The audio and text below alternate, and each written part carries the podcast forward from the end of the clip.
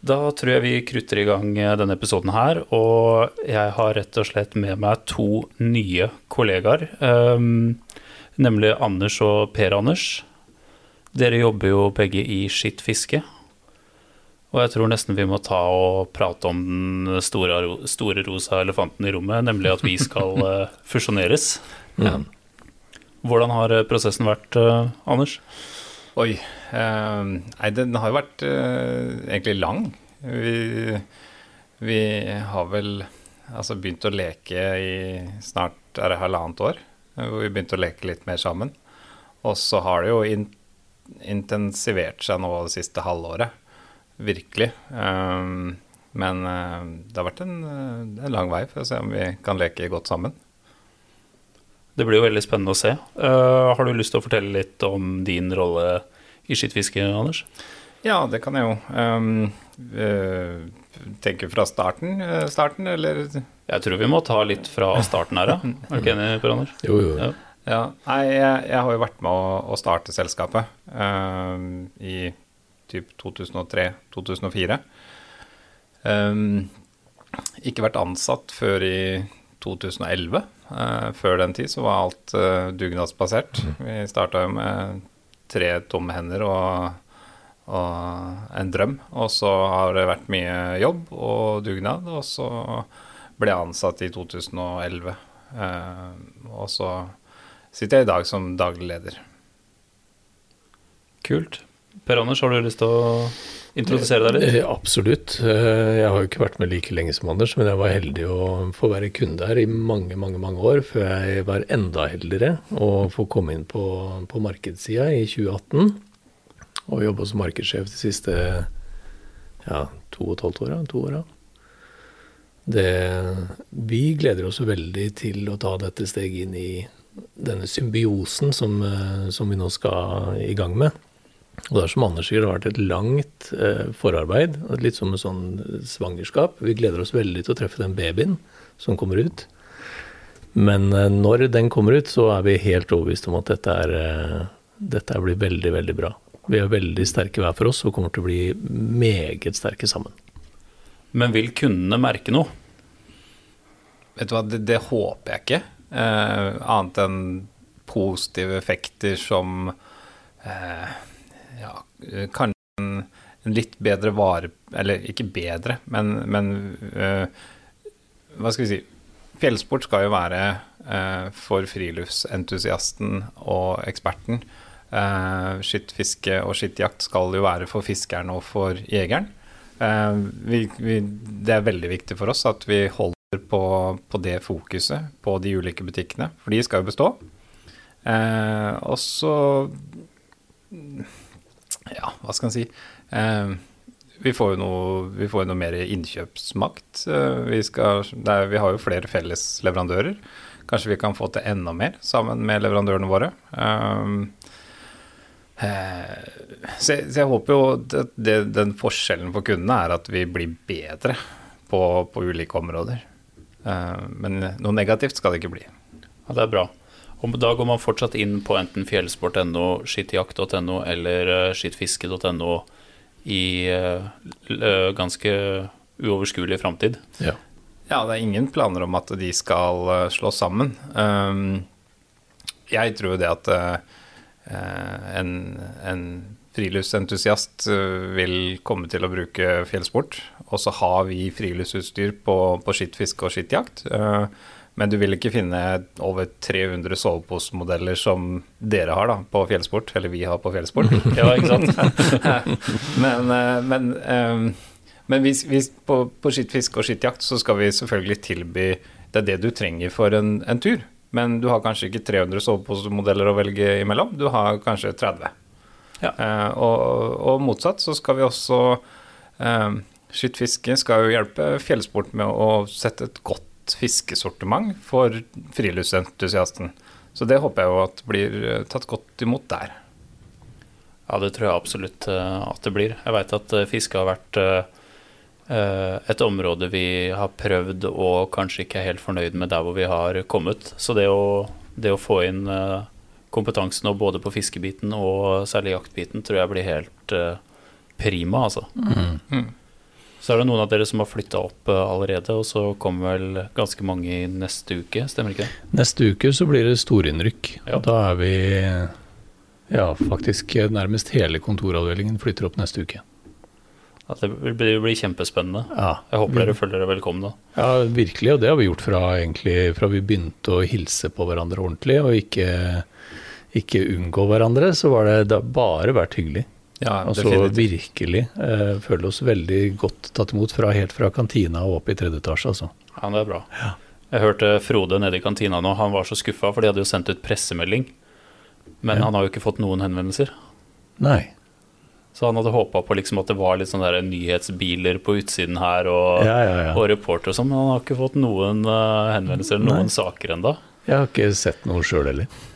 Nei, jeg vet at det det sto vel både eh, navnet til Erik og meg i den pressemeldinga som jeg så, i hvert fall. Og det, jeg har ikke hørt noe. Og jeg vet ikke når den ble sendt heller, skal jeg være ærlig. Men eh, nei, det blir vel et eller annet. Og, og jeg skjønner, det er jo ikke Norge står ikke på hodet for at uh, skittfiske og fjellsport skal slå seg sammen. Det skjønner jeg, men eh, Jeg tror Frode ønska det. ja, Frode er da eh, en som jobber her, selvfølgelig. Ehm, litt over til det som jeg syns skulle være hovedtema i episoden i dag. Og det er jo det at dere to er jo bidragsytere i et utrolig spennende prosjekt her i nærområdet. Som jeg veit har eh, arbeidstittel eller offisielt navn 'Make Goksjø Great Again'. Det stemmer. Og eh, kan dere ta oss litt gjennom det helt grunnleggende rundt det her prosjektet? prosjektet? Eh, vær så god, Anders Amundsen. Ok, men eh, vi kan jo ta, kan jo ta starten. Eh, Jeg er eh, bekjent, eh, eller kamerat, med en av grunneierne i Goksjø, som er et lokalt vann vi har her sånn. Det er på 3,5 kvadratkilometer ca. Den, eh, det finnes grunneiere både fra Sandefjord kommune og Larvik kommune, så det er litt sånn delt der. Eh, og det har hatt en ekstremt dårlig utvikling eh, med oppblomstring av alger, blågrønne alger. Eh, og så har vi fått eh, eh, et par nye arter inn i vannet som, eh, som vi vet er årsaken til at det er mye alger i vannet. Så jeg fikk en, en forespørsel fra, fra denne grunneieren om eh, om jeg hadde noen tips til hvordan vi kunne få ut en del av dette, denne fisken. Uh, for de hadde tenkt på litt fiskekonkurranser og prøve å sette opp litt premier og sånn, men altså vi, vi snakker ikke de mengdene som trengs i det hele tatt ved å ha fiskekonkurranser. Så jeg sa det har jeg ikke troa på, men jeg kjenner en som har jobba litt med det. Uh, la oss snakke med Magnus Riksfjord, heter han. Han jobba for oss tidligere. Uh, Utdanna innenfor dette her. Um, men så ble det liksom ikke noe mer av. Før, um, før Martin Falklin, en ganske kjent figur i fiskeverden i, i Sverige, uh, jobba i Fiskejournalen i en ha- haug med år. Uh, filmskaper. Uh, har lagd nå, han slutta i Fiskejournalen, og så lagde han en, en serie som gikk på NRK, som heter 'Fiskernes rike'. Um, og i den uh, filmen der så hadde den et innslag med et uh, firma som heter Klara Vatn. Ja. Og de driver med tynningsfiske. Uh, nettopp av den type karpefisk da, som vi har i Goksjø. Det er mort og brasme i all hovedsak som vi, vi har i, i, i Goksjø. Og da sa det litt sånn pling-pling. Det her er jo det vi egentlig trenger. For det å fiske noen 50-100 kilo på en fiskekonkurranse, det, det betyr ingenting. Um, vi, vi må opp i tonn. Sånn at uh, det satte ballen litt i gang. Uh, så snakka vi med Jeg med Kim igjen, denne grunneier- grunneieren. Og da, derfra så har liksom prosjektet begynt å rulle, da. Det, du husker jo godt den dagen eh, Martin Falklin da denne serien ble lagt ut på NRK, og vi hadde sittet og sett denne hver for oss, og Anders kommer løpende inn på kontoret tidlig en dag og sier at du, har du sett eh, andre episode av Fiskenes rike? Ja, sa jeg. Eh, og så, Men kan ikke vi gjøre det i Goksjø? Jo, se, det kan vi selvfølgelig. Og da begynte det sånn lyspærer å blinke, og så kasta Anders seg på telefonen til disse svenskene, da, og, og fikk de i prat. Og de var jo veldig åpne for dette. De har jo kalenderne fulle av vann som de hjelper i Sverige, Mm. men var veldig ivrige på å komme over og, og ta en titt på det vannet vårt også. Men er de en gjeng med frivillige, eller er det her arbeidet deres? Det er to mann som driver dette på heltid. Ja, ok. Ja. Uh, og de eh, Ja, de, de, det starta for dems del, så starta det med at de, de er medlemmer i en, en fiskeforening i Sverige som har eh, det, et vann som har hatt dette problemet. Eh, og der har de også drevet med tynningsfiske, eh, men ikke på den metoden de bruker nå. Men Magnus og Jesper, da, som de heter, eh, de eh, var vel kanskje noe av de mest ivrige i denne foreninga. Og eh, brukt, har brukt masse tid og energi og ressurser på liksom å, å utvikle den metoden de bruker i dag. Da. Eh, så ut fra det de har gjort i det lokale hjemmevannet sitt, så har de starta et firma som heter Klara Vatn. Og, og nå så driver de kun med eh, den type utfisking. Eh, så gjør de det nesten da gjennom våren, sommeren og høsten, og så sitter de og lager garn og fikser de garna som har blitt ødelagt gjennom sesongen på vinteren. Og så kall det bestemte dere dere for å, for å prøve å ta kontakt med grunneier osv. Hvordan var prosessen etter det? Ja, altså det blei jo eh, Det blei jo Ja, vi snakka jo om det på, på jobben, og, så, er som er klart vi som skittfisker kan ikke bare begynne å fiske i dette vannet uten å i hvert fall ha med grunneierne. Eh, så da var det å snakke med Kim igjen, og så var vi på et årsmøte i grunneierlaget og måtte forklare hva vi egentlig hadde lyst til å gjøre. Ja. Eh, og så eh, Vi kan vel prøve å ta det Altså, svenskene de, de har to metoder de fisker med. På vårparten så bruker de båndgarn. Det er en type rusefiske, og det er det vi holder på med nå. Og så på høsten så Eller på sommeren nå, eh, våren og sommeren, så, så bruker de båndgarn fordi fisken trekker inn eh, til land for å gyte og stimer seg her. Og så på, på høsten og vinteren så, så samler den seg på litt dypere vann lenger ut. Og da bruker de en sånn type not eh, for, å, mm, eh, for å fange den der, da, ute på, på dypet. Så eh, Kim tente på dette her med en gang, eh, men vi måtte jo få med oss resten. Så vi var på et, eh, et møte, og da vi snakka med svenskene og blitt enige om at vi kunne gjøre et testfiske. Det var det de anbefalte, i hvert fall. At vi gjorde det først med, med not på, på høsten. Så det første vi gjorde med, mot grunneierne, var at vi var med på dette årsmøtet, og så la vi fram saken med at eh, vi har funnet noen svensker, de er villige til å komme og hjelpe oss. Eh, det koster 100 000 kroner for et sånt prøvefiske. Eh, Skittfiske kan ta halvparten av regninga hvis dere tar halvparten. Det er kult, da. Ja, og, men selv, selv det så var det litt skepsis hos noen av grønneierne, men, men vi fikk banka det gjennom. Og, og svenskene kom mye seinere enn det vi hadde håpa på. Eh, for det var begynt å bli litt frost og sånn. Så, det, eh, så på en og en halv dag så fikk vi fiska opp ca. fem tonn da, på det prøvefisket. Med uønska art. Ja. Med uønska art. Wow. Det er viktig å si også at når vi fisker disse store kvantaene, så er det snakk om det er tonnevis med mort og brasme, sørv, vedebuk, alt eh, denne blanke karpefisken.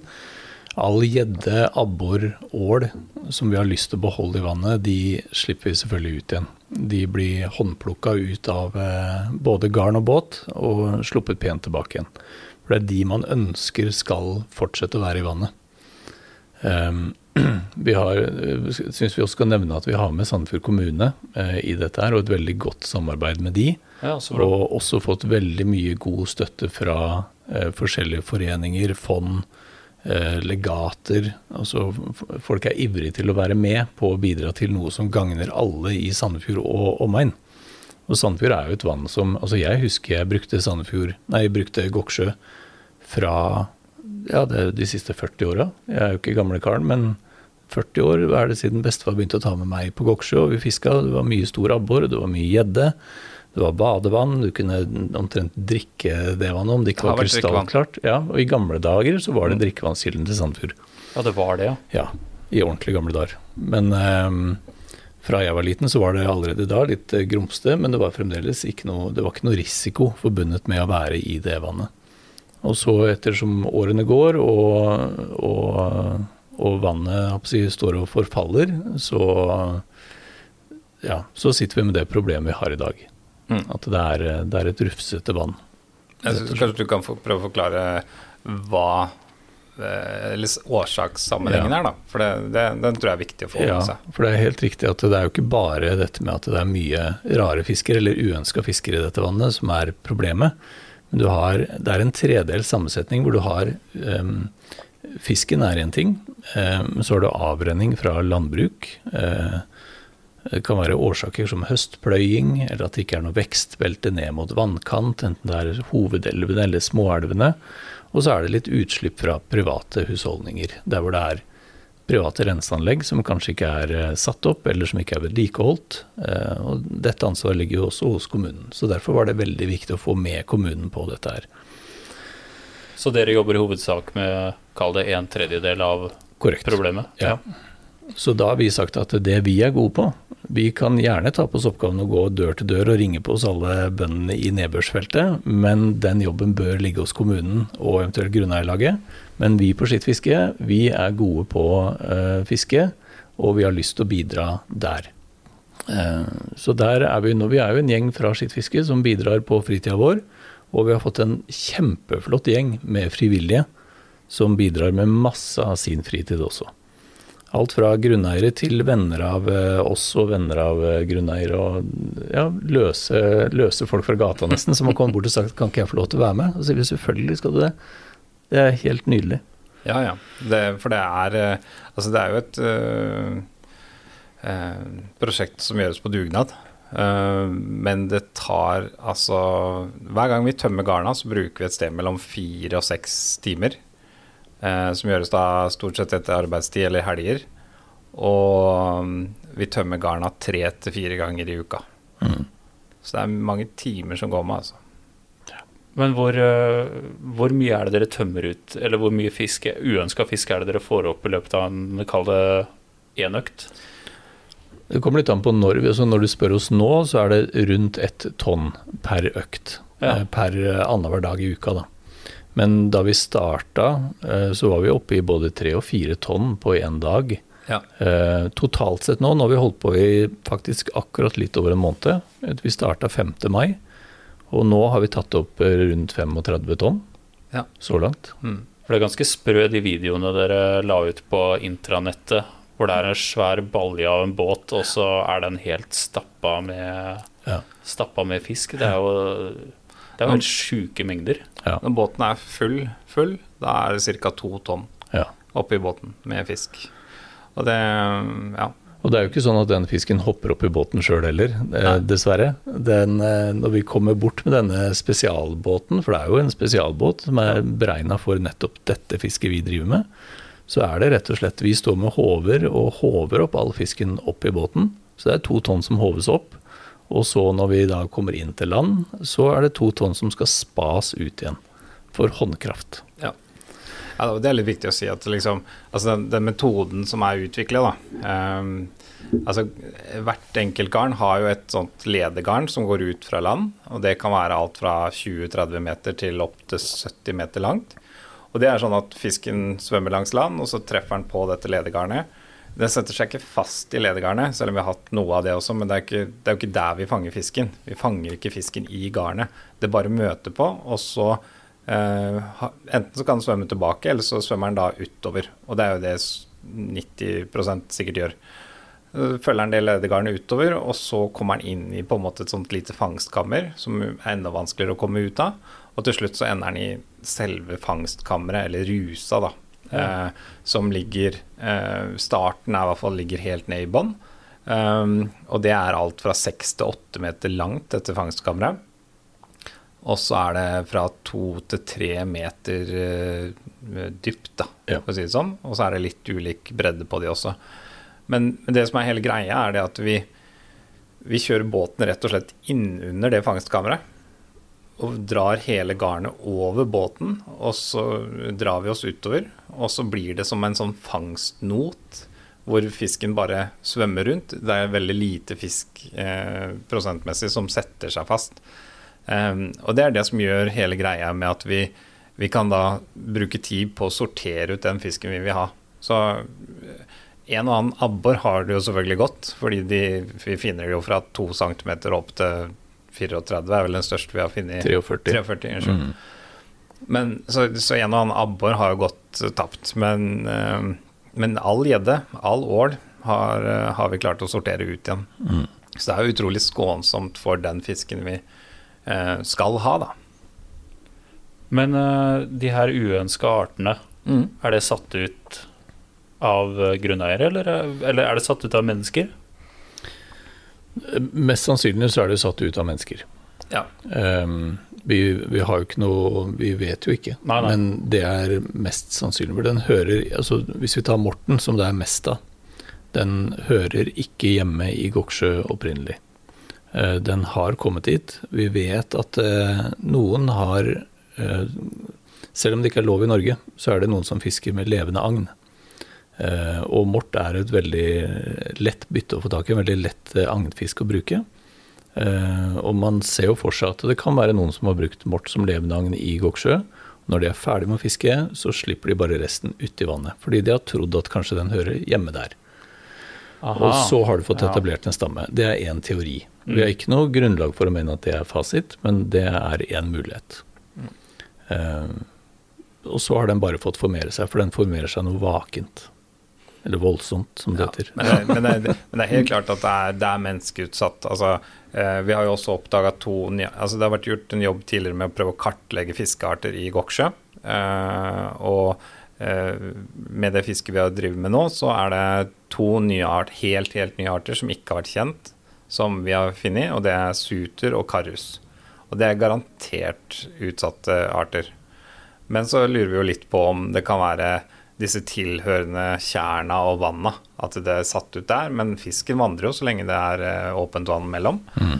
Så mm, vi, vi, Ja, denne gruppa som vi er, da, vi, vi, lurer på om ikke vi skal prøvefiske litt i, i disse andre tjerna også. Eh, for å prøve å kartlegge om det er større ansamlinger der. Mm. Rett og slett. Men hva er på en måte Hva er tidsperspektivet her på Make Goksjø Great Again? Det blir jo spennende å se, men det vi, det vi, jobber etter nå i starten, den første delen av prosjektet, går over tre år. Um, så målet vårt der er hvis vi klarer å fiske ut mellom 70 og 100 tonn i løpet av de første tre åra, så vil det være nok fisk per kvadratkilometer, per hektar eh, vann, til at det skal utgjøre en forskjell. Jeg vet ikke om vi snakka om det i stad, men årsaken til at fisken er så viktig, um, eller at den helst skal ut, er nettopp det at du har algeplankton er det som gjør at vannet blir grumsete. Ja. Dyreplankton spiser algeplankton. Så hvis du har en sunn balanse i et vann, så har du en masse dyreplankton som spiser algeplankton. Hvis du har for mye mort, så spiser den veldig mye dyreplankton. Og da har du ingen igjen til å spise algeplankton. Aha. Og da blir vannet veldig grumsete. Og da har du gjedde og abbor uh, i Goksjø, og gjørs f.eks. i andre vann, som er predatorfisker, som går og spiser på disse småfiskene til vanlig. Men med en gang vannet blir for grumsete, så ser ikke de nok til at de kan Og dessuten så blir det altfor mange fisk. Altså synet på, ja. Ja, på predatorene ja. er ikke godt nok til grumsete vann? Nei. Nei. Og så har du også, med en gang det blir grumsete vann, så slipper ikke sola ned til bånn. Eh, du får ikke det samme vekstene i, i bunnen av vannet. Du får ikke det samme gjemmestedmulighetene for abbor og gjedde. Og da blir det at de trekker dypere ut, eh, eller står helt andre steder. Og så kan morten bare herje som de bare vil. I tillegg så har du sånn fisk som brasme, som ofte roter ofte mye i bunnsedimentene og frigjør mye nitrogen og fosfor som ligger ansamla der nede. Og det bidrar også til at det blir enda verre vann igjen. For den er jo da med på å gjødsle algene. Ja. Ikke sant? Så det er, det er, jo det som er problemet med jordbruket. All den gjødselen som renner ut i små bekker og ender opp ut i Goksjø. Det samme er det med brasma, som da Altså, det som har rent ut i vannet og egentlig lagt seg stille og rolig på bånn, er jo ikke noe problem. Men så har du disse brasmene som da går ned og prøver å finne mat. De roter ekstremt mye for å finne mat nede i bånn. Eh, de virvler jo dette opp igjen, og så gjødsler det på nytt. Og algene, det er jo mat for algene. Når du da ikke har disse dyreplankton som spiser planteplanktonet, og det, det er en sånn kjempedårlig eh, hva skal si, reaksjon på, på hele greia her. Det er litt av et samspill da. Fra naturens side, liksom. Det Absolutt. Og det er jo det vi har snakka om også, at det, det er jo ikke det at vannet er ødelagt, men det er en veldig, veldig skjev balanse i hele systemet. Og det å få tatt ut f.eks. 100 tonn med småfisk nå, kombinert med at landbruket får begrensa avrenning, og de private husholdningene, så er det med på alle disse faktorene å få gjenoppretta balansen i vannet. Mm. Eh, I hvert fall være med på det. Og så vil jo tiden vise om det hjelper, eller om vi må fortsette i noen år til. Men i første omgang så ser vi for oss at tre år, og så får vi se. Ja, altså, ja for, for altså, Du spurte om hva, hva er liksom tidsperspektivet. Eh, tre år får vi se, eh, men hele greia er jo at vi skal prøve å sette vannet i balanse. Fordi både abboren eh, og gjedda spiser jo eh, morten. Så det er rett og slett prøve å opprette den balansen. Om det tar tre år eller om det tar fem år. Eh, kommer an på hvor mye penger vi får, og for det koster. Mm. men da har vi fått bra med penger, det er ikke det. Men, eh, men eh, med den entusiasmen som er i, i gruppa, og de resultatene vi har på fiske Jeg kan jo si det, vi, vi hadde en liten tippekonkurranse før, eh, før garna ble satt ut her, og jeg tror de fleste lå mellom 20 og 30 tonn. Og sånn som jeg ser det nå, når vi har fiska en måned og skal fiske en måneds tid til, jeg er skuffa hvis ikke vi ender på mellom 50 og 60. Ja, Eh, jeg er helt enig i det. ja. Jeg, jeg vil gjerne endre mitt eh, tippe... Jeg tror, jeg tror det er noen andre som, eh, som er Men er har dere noen forskningsmiljøer eller noe sånt som er litt interessert i Det her må jo være en utrolig spennende case for visse miljøer. Jeg har en søster blant annet som er ganske nerdy på fisk. Hun har doktorgrad i lakselus. Ja. Så det er jo Det fins jo snevre fiskeforskere der ute. Det må jo være noen som er interessert i det her. Vi har ikke så veldig mange tilknytta oss, eh, annet enn eh, en som heter Ingar Åsestad fra kommunen. Han jobba og hadde ansvar for eh, vann og Jeg husker ikke helt Ja. den tittelen, men, men han var ansvarlig og tok masse prøver både i Lågen og, og Goksjø osv. Så, videre. Så han er jo en kjemperessurs som vi bruker masse. Eh, og så er jo statsforvalteren inne. Vi har jo måttet søke om å få lov å gjøre dette fisket. Eh, så jeg tror nok de har en liten dialog på sida som ikke vi nødvendigvis har, har alle info på. Mm. Sånn som disse to artene som vi har funnet, suter og karus, de, de er jo meldt inn nå til statsforvalteren, sånn at det er registrert.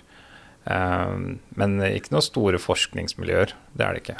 Det har vært noen marinbiologer som har uttalt seg positivt til dette her, og at de har trua på, på prosjektet og bekrefter at dette, er, dette kan være måten å gjøre det på. Eh, og Så finnes det jo andre vann som har enten forsøkt tilsvarende prosjekt. Tunevann i Østfold er et av de. Ja. Og så er det flere vann her i Vestfold spesielt, eh, men også så langt opp som var det Rjukan eller Røros. Nei, de, ja, de driver med et annet type fiske. Ja, ok. Ja. I hvert fall andre vann her i Vestfold som er veldig nysgjerrige på hva er det dere gjør, hvordan kan vi også potensielt gjøre noe av det samme. Og da snakker vi Akersvannet f.eks. Ja, for det er jo mitt lokale, kall det gjeddevann eh, i Stokke. Mm. Og der var det jo én eller to hunder som døde i fjor. Mm. Stemmer. Og pga. på grunn av disse her eh, blågrønne eh, algene. Mm. Men tro, eh, helt sånn eh, fingeren i været, men tror dere det er samme problematikken der som i Goksjø? Ja. ja. Så det er en sånn Vestfold-greie, altså. Jeg tror ikke det er bare en Vestfold-greie, men det er um... Nei, jeg tror det er mange vann som har det. Eh, Vi har eh, eh, Hovedsaken her er jo avrenning fra landbruket. Landbruket har gjort masse, bare så det er sagt. Uh, men det skal så lite til når du får tilsatt noen nye arter, og, og landbruket i seg sjøl kan gjøre mye skade. Eh, Men, når du sier avrenning, hva, hva, hva legger man i det? Altså, det er regn. Altså, det regner såpass mye at uh, regnet drar med seg den gjødslinga som er på jordene, og rett ned i bekken. Det er jo Per i dag så, det, så har man en lov som sier at bøndene ikke kan pløye eh, nærmere enn to meter eh, inntil vann, rennende vann. Og, og, for så vidt sånn som Goksjø, da. Eh, men ja, jeg bor jo i Kodal og, kjører forbi noen jorder hvor man har en sånn kjempeskrent på, på mange grader. Eh, det er ikke så Det er ikke så Altså, bøndene kan, kan, pløye ganske nærme den skrenten. Eh, og når det da begynner å regne, og det, vi har mye mer styrtregn nå om dagen enn det vi hadde før, sånn at eh, når det kommer et kraftig regnskyll, så drar det med seg denne gjødslinga rett ut i bekken, som ender opp i vannet. Ja, rett og slett. Så, så det er jo nå eh, er det et sånn tilskuddsordning, den tror jeg er statlig, eh, hvor bøndene kan anlegge fem meters grassbelte Eh, vi har, da, Ingar har vist oss noen eksperimenter på det, hvor du har liksom upløyd eh, mark. Eh, eh mark hvor de har eh, slått, men latt stubben stå igjen. Eh, slått, latt stubben stå igjen, men med litt ekstra halm og gress. da. og det er helt sinnssykt å se på hvor mye som på en måte filtreres hvis du har et gressbelte kontra bare stubb eller, eller rent jorde. Rett og slett en barriere mellom der, ja. Ja, en sil som ja. på en måte stopper en god del av det. Eh, og det verste er jo at bøndene får mer betalt for å ha dette femmetersbeltet med gress inntil rennende vann, enn om de hadde hatt korn der. Men så skjønner jeg også at det er mer, altså det er mer sammensatt, fordi at eh, da skal du ha maskiner til å slå dette. Du kan ikke bare la det gro og, og dø. Uh, så det er litt sånn sammensatt. Uh, og så tror jeg kanskje man står overfor litt sånn en del generasjonsskifter. Er, og noen holder jo bare på tradisjonen. Sånn gjorde oldefar, farfar, far. Jeg gjør det også sånn. Men, men det skjer litt der, altså. Ja, Det er utrolig interessant. Hva, hva tror dere hadde skjedd med, med Goksjø hvis man ikke hadde gjort noe som helst? Hvordan ser framtida ut for Goksjø hvis man ikke hadde rørt det? Nei, da hadde det bare blitt verre og verre og verre. Altså Det hadde rett og slett bare blitt et vann hvor det var veldig mye småfisk. Ikke noe, ikke noe stor sportsfisk å snakke om. Uh, kan glemme å bade der. Du Kan glemme å, å si, lufte bikkja i nærheten. Uh, fugleliv, rådyr, uh, alt av viltliv i nærheten. Vil også slite. Det er jo et enormt dyreliv rundt Koksjø. Ehm, det er veldig mye siv som går dukken, og der er det en del ender som lever. ikke sant? Eller akkurat det kjenner jeg ikke detaljene på, men det er ganske, det er ganske uh, vide konsekvenser. Jeg, vil, jeg, tror aldri vi ville fått en god bestand av de artene som har vært der. Én ting er at vi er fiskere og ønsker å ha en god bestand av gjedde og abbor, som er bra sportsfisker. Uh, men, men, uh, men jeg Eh, det ville aldri på en måte blomstra opp igjen av seg sjøl, tror jeg. Da Da skulle det ha skjedd noe. Men det, det, kan vi også si. Det, jo, det er gjort flere sånne forskningsprosjekt, og et av de er jo Man har tatt sedimentsprøver, eh, og da har man gått flere hundre år tilbake. Eh, for man kan lese liksom hvordan det så ut med, med ja, hva, hva sedimentene inneholder. Og, og, der er det helt tydelig i 2008, tror jeg det er, 2008-2009, eh, så bare skyter de i taket med noen av disse verdiene som ikke jeg husker navnet på. Eh, og det sammenfaller ganske godt da, med hvordan vi har opplevd fiske. For det har bare blitt dårligere og dårligere og dårligere, og dårligere, og vannet har bare blitt mer grumsete og grumsete. Eh, så at det har en sammenheng her, helt definitivt. Jeg, bare, jeg, sitter bare og blir mer og mer imponert over det samspillet som, hvor alt avhenger av hverandre. Um, men en ting jeg lurte på litt for min egen læring også, eh, hvis vi bare skal tilbake til generell uh, sportsfiske. Hva er, uh, hva er kall det trendene der nå? Hva er det liksom kundene Hvordan type fiske er det kundene driver med? Det er, vet du hva, det er så mye. Altså, vi, vi er så heldige å bo i et land hvor du har muligheten til å fiske så uhorvelig mye forskjellig fisk. Eh, vi ser veldig, veldig mange som har fått øynene opp for predatorfiske. Ja, for det er et uttrykk jeg har hørt dere fra Skittfiske nevne flere ganger, det med predatorfiske. Mm. Det er primært av gjedde, abbor og gjørs. Eh, ferskvannsfiske. Eh, vi har solgt veldig bra med det og sett en god tilvekst av predatorkunder, da, for å kalle det det. Ja. Eh, Men så er det også fluefiskere og havfiskere og feriefiskere og unge fiskere og gamle fiskere. Og det er liksom, det er rubbet, altså. Ja, jeg, jeg, tror, jeg tror For å svare på det, så tror jeg det liksom Du kjenner jo friluftsliv og, og, hva dere har her, da. Og det er liksom hva trender på friluftsliv.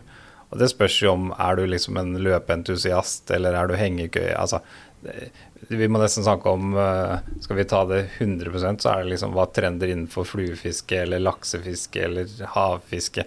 Eh, men sånn i de Det var rett og slett et litt dårlig spørsmål. Nei, men altså, jeg, altså for jeg, tror, jeg tror veldig mange, eh, mange fiskere fisker jo sikkert mye forskjellig, men så har du også veldig mange som bare fisker laks eller bare ørretfiske, ikke sant. Så det at eh, vi selger mye predator, det spiller jo ikke noe til for han som bare fisker ørret. Mm. Altså, ja. Så Nei. Men eh, ja, ellers er jo elektronikk eh, går jo masse om dagen. Eh, Til fiskebruk, eller? Ja. Mm. Alt fra små ekkolodd til store, svære skjermer og Det har jo skjedd en rivende utvikling på teknologifronten der, altså fra da vi var eh, små.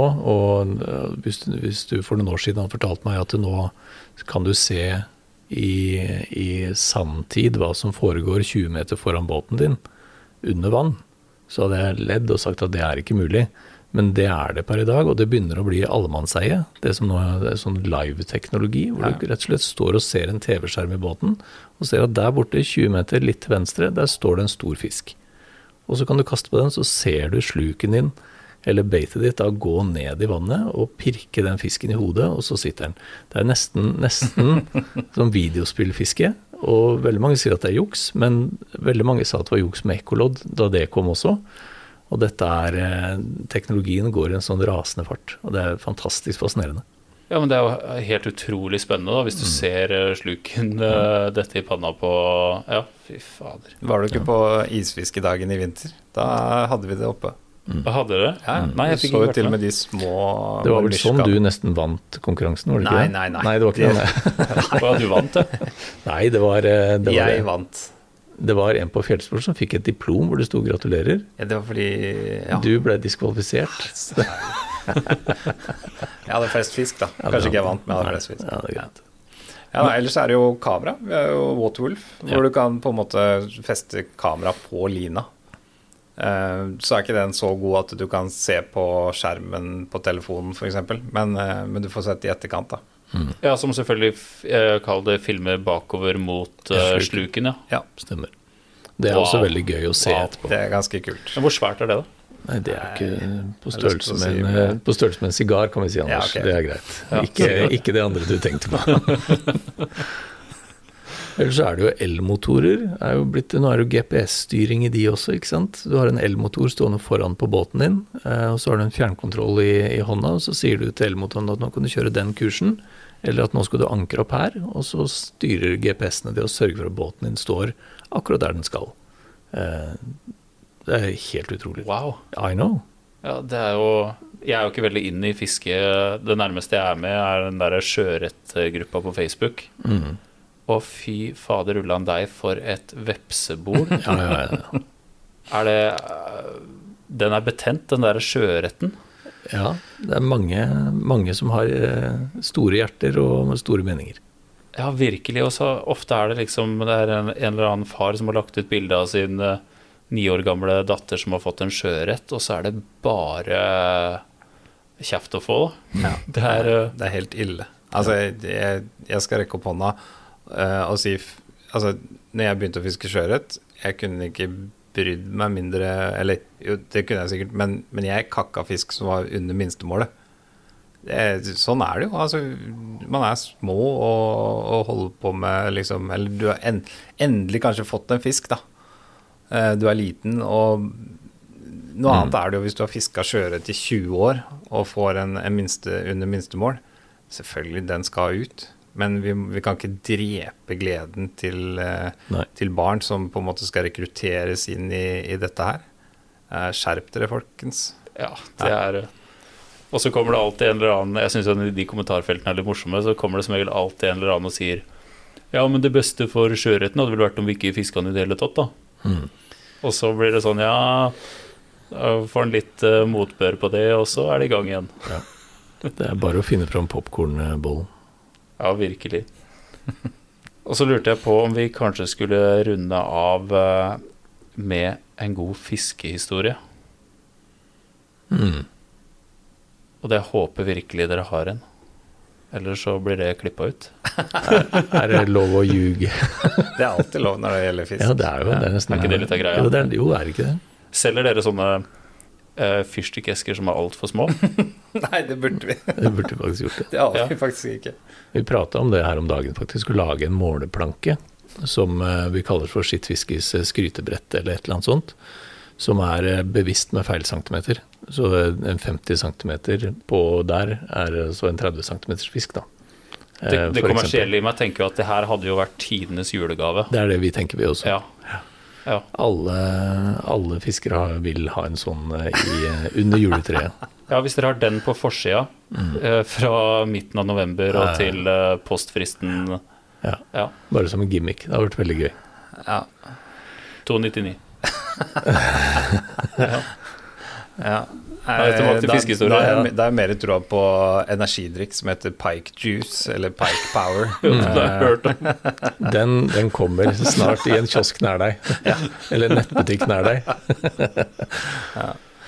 Jeg vet ikke, Vil du starte, eller? Jeg, jeg prøver å tenke om jeg har noe bra fisk. Jeg har egentlig bare suksesshistorier. Altså det er bare Nei, jeg tror noen av de beste fiskehistoriene mine involverer egentlig barna mine. Altså det er litt som Anders sa, altså den gleden når barna um, får de første fiskene sine, den er det vanskelig å sette noen prislapp på, altså. Jeg har, hatt med, jeg har tre barn, og de har vært ute og fiska alle mann fra de var små. De er ikke så ivrig lenger nå.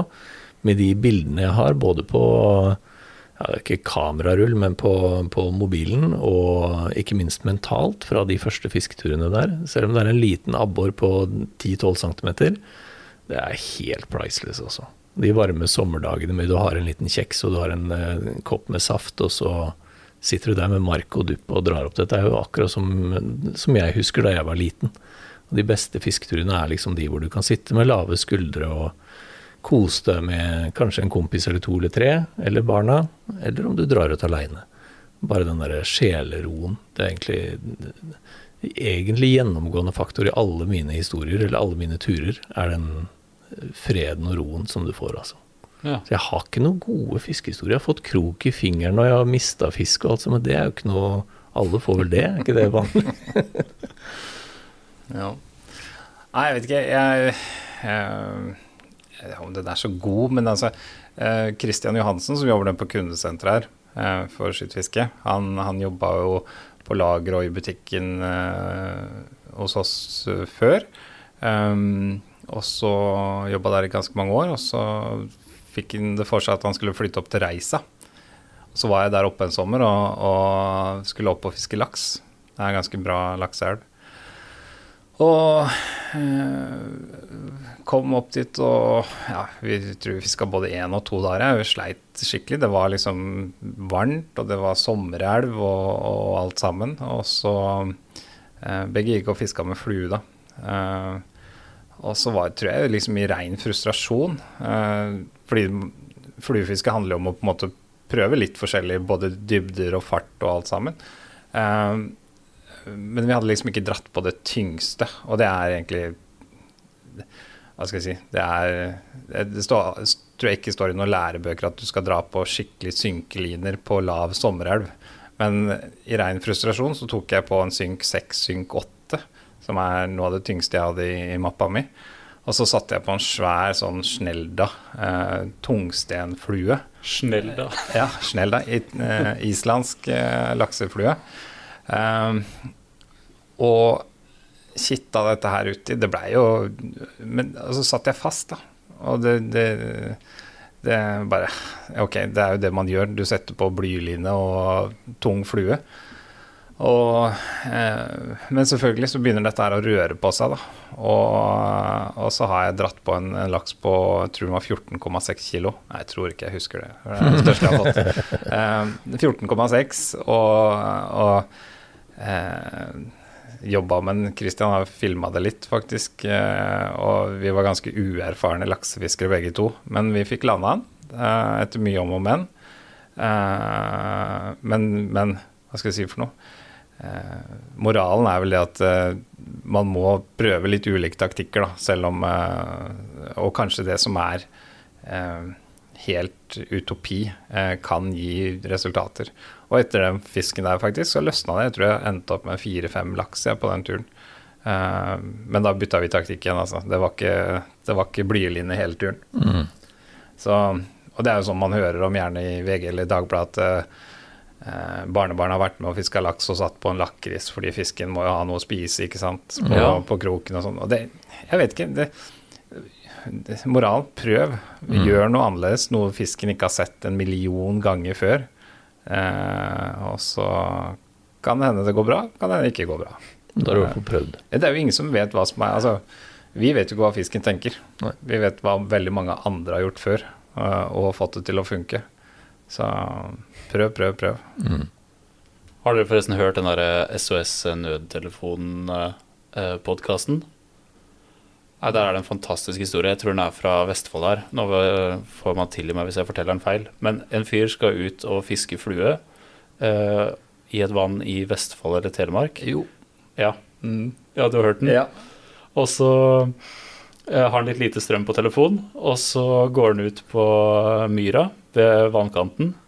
Og så lang historie kort, han skjønner at han står ute på en sånn flytemyr, og plutselig er han midt ute på vannet. Midt Ut på vann. Og av en eller annen grunn så kan han ikke svømme inn igjen. En, jeg husker ikke hvorfor. Og så får han ringt med den lille strømmen han har, tilbake til kjæresten, som varsler nødetatene. Og så kommer det bl.a. Sea King-helikopter. Som, eh, hvor planen tror jeg opprinnelig var å heise den opp fra denne flytemyra. Og han blir så irritert, for de står bare og hovrer over den, og han får så mye vann i trynet og ser ingenting. da, bla, bla. Og så eh, til slutt så får han liksom åpna øya og kikka rundt seg. Og da har jo helikopteret skjønt at de kan blåse han inn til vannkanten igjen. Det er helt fantastisk. Det er, ja, det, altså. det er kult, det der. Altså. Ja, jeg tror det er noen år siden bare. Det ja. skjedde her i Larvik eller et eller annet. Ja, jeg mener at han var nyinnflytta til Larvik eller noe. Han, eh, kan jo at han hører denne episoden her òg. Da får han arrestere meg hvis jeg sa noe feil. Men Veldig bra. Ja, det er King Kong. Det tror jeg er hans beste fiskehistorie, i hvert fall. Ja. ja ellers, så, ellers, så, må man passe på å ha bensin på båten. Jeg var jo i Lofoten for to år siden. Jeg fikk lånt meg en båt. Uh, og så sier han som jeg låner båten at ja, du ser jo kanna her, liksom. Den må du fylle opp. Og sånn tenkte jeg ja, kanna her, den er full. Reiste ut på morgenen aleine. Eh, ikke kjent i det hele tatt. Og så kommer ut på litt mer åpent hav, og så Nei da, der var det ikke bensin igjen. Det ble redningsskøyta, det. Ja, det ble det, ja? Ja, ja. Lånt båt og dreiv mot et skjær og noe greier, så det, det, var, det var, litt Texas, men det, det gikk bra. Ja. Redningsskøyta er bra. Hele, hele, det kommende året så annonserte vi eh, i, i, i, på Redningsselskapet. Da, var det, da bare ga vi dem masse penger og kjøpte annonser i via det breie. Takk for at dere redda sjefen. Ja, det var veldig greit. Ja. Nei, men Veldig bra. Jeg tror eh, rett og slett at vi runder av der. Og mm, vi skal jo på sommerfest i dag, så mm. vi har jo litt å forberede. Ja. Så takker jeg så mye for at dere ville være med og fortelle om både skitt fiske og Make Goksjø Great Again. Takk for at vi fikk eh, komme. Ja, hjertelig takk. Er, er det forresten noe sted folk kan følge prosjektet videre uh, etter å ha hørt denne episoden? Ja, det er det. Det ligger en, eh, en artikkelside inne på skittfiske.no. Den ligger ikke akkurat nå på forsiden, men den ligger innunder den kategorien som heter blogg. Ja. Der ligger det en, en, fane, en artikkel som heter Operasjon Goksjø. Eh, der kan man lese om det. Der linker vi også til all medieomtale vi har fått, og informasjon eh, i det vide og det breie. Ja. Veldig bra. Takk for besøket, så snakkes vi snart igjen. Takk. Takk, ja.